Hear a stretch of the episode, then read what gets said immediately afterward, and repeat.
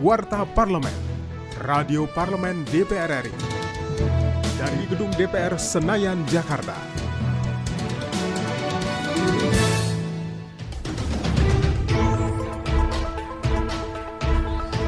Banyaknya permintaan penundaan Pilkada serentak 9 Desember 2020 dari sejumlah LSM karena dikhawatirkan membuat kerumunan massa di saat tahapan Pilkada.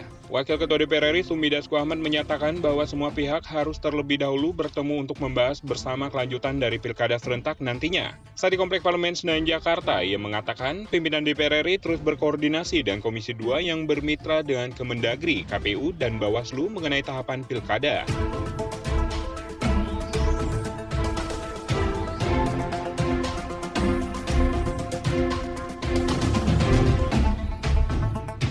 Badan Urusan Rumah Tangga atau BWRT DPR RI mengapresiasi Rumah Sakit Santosa sebagai rumah sakit mitra PT Jasindo yang telah terakreditasi. Hal ini disampaikan oleh Ketua BWRT DPR RI Agung Budi Santoso dalam rangka kunjungan kerja spesifik ke PT Jasindo, kantor cabang Bandung, Jawa Barat baru-baru ini. Yang menilai PT Jasindo telah tepat dalam memilih Rumah Sakit Santosa Bandung sebagai rumah sakit provider, pelayanan kesehatan yang prima dan lengkap, mutlak diperlukan bagi anggota DPR RI dan keluarga.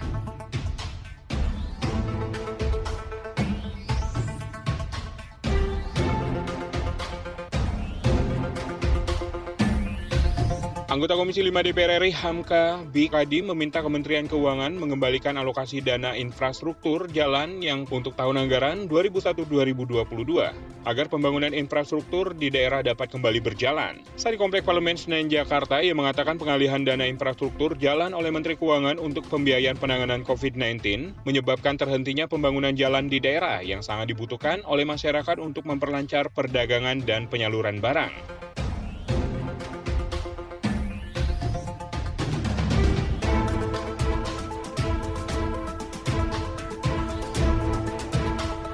Demikian Warta Parlemen, Produksi TV dan Radio Parlemen, Biro Pemberitaan Parlemen Sekretariat Jenderal DPR RI.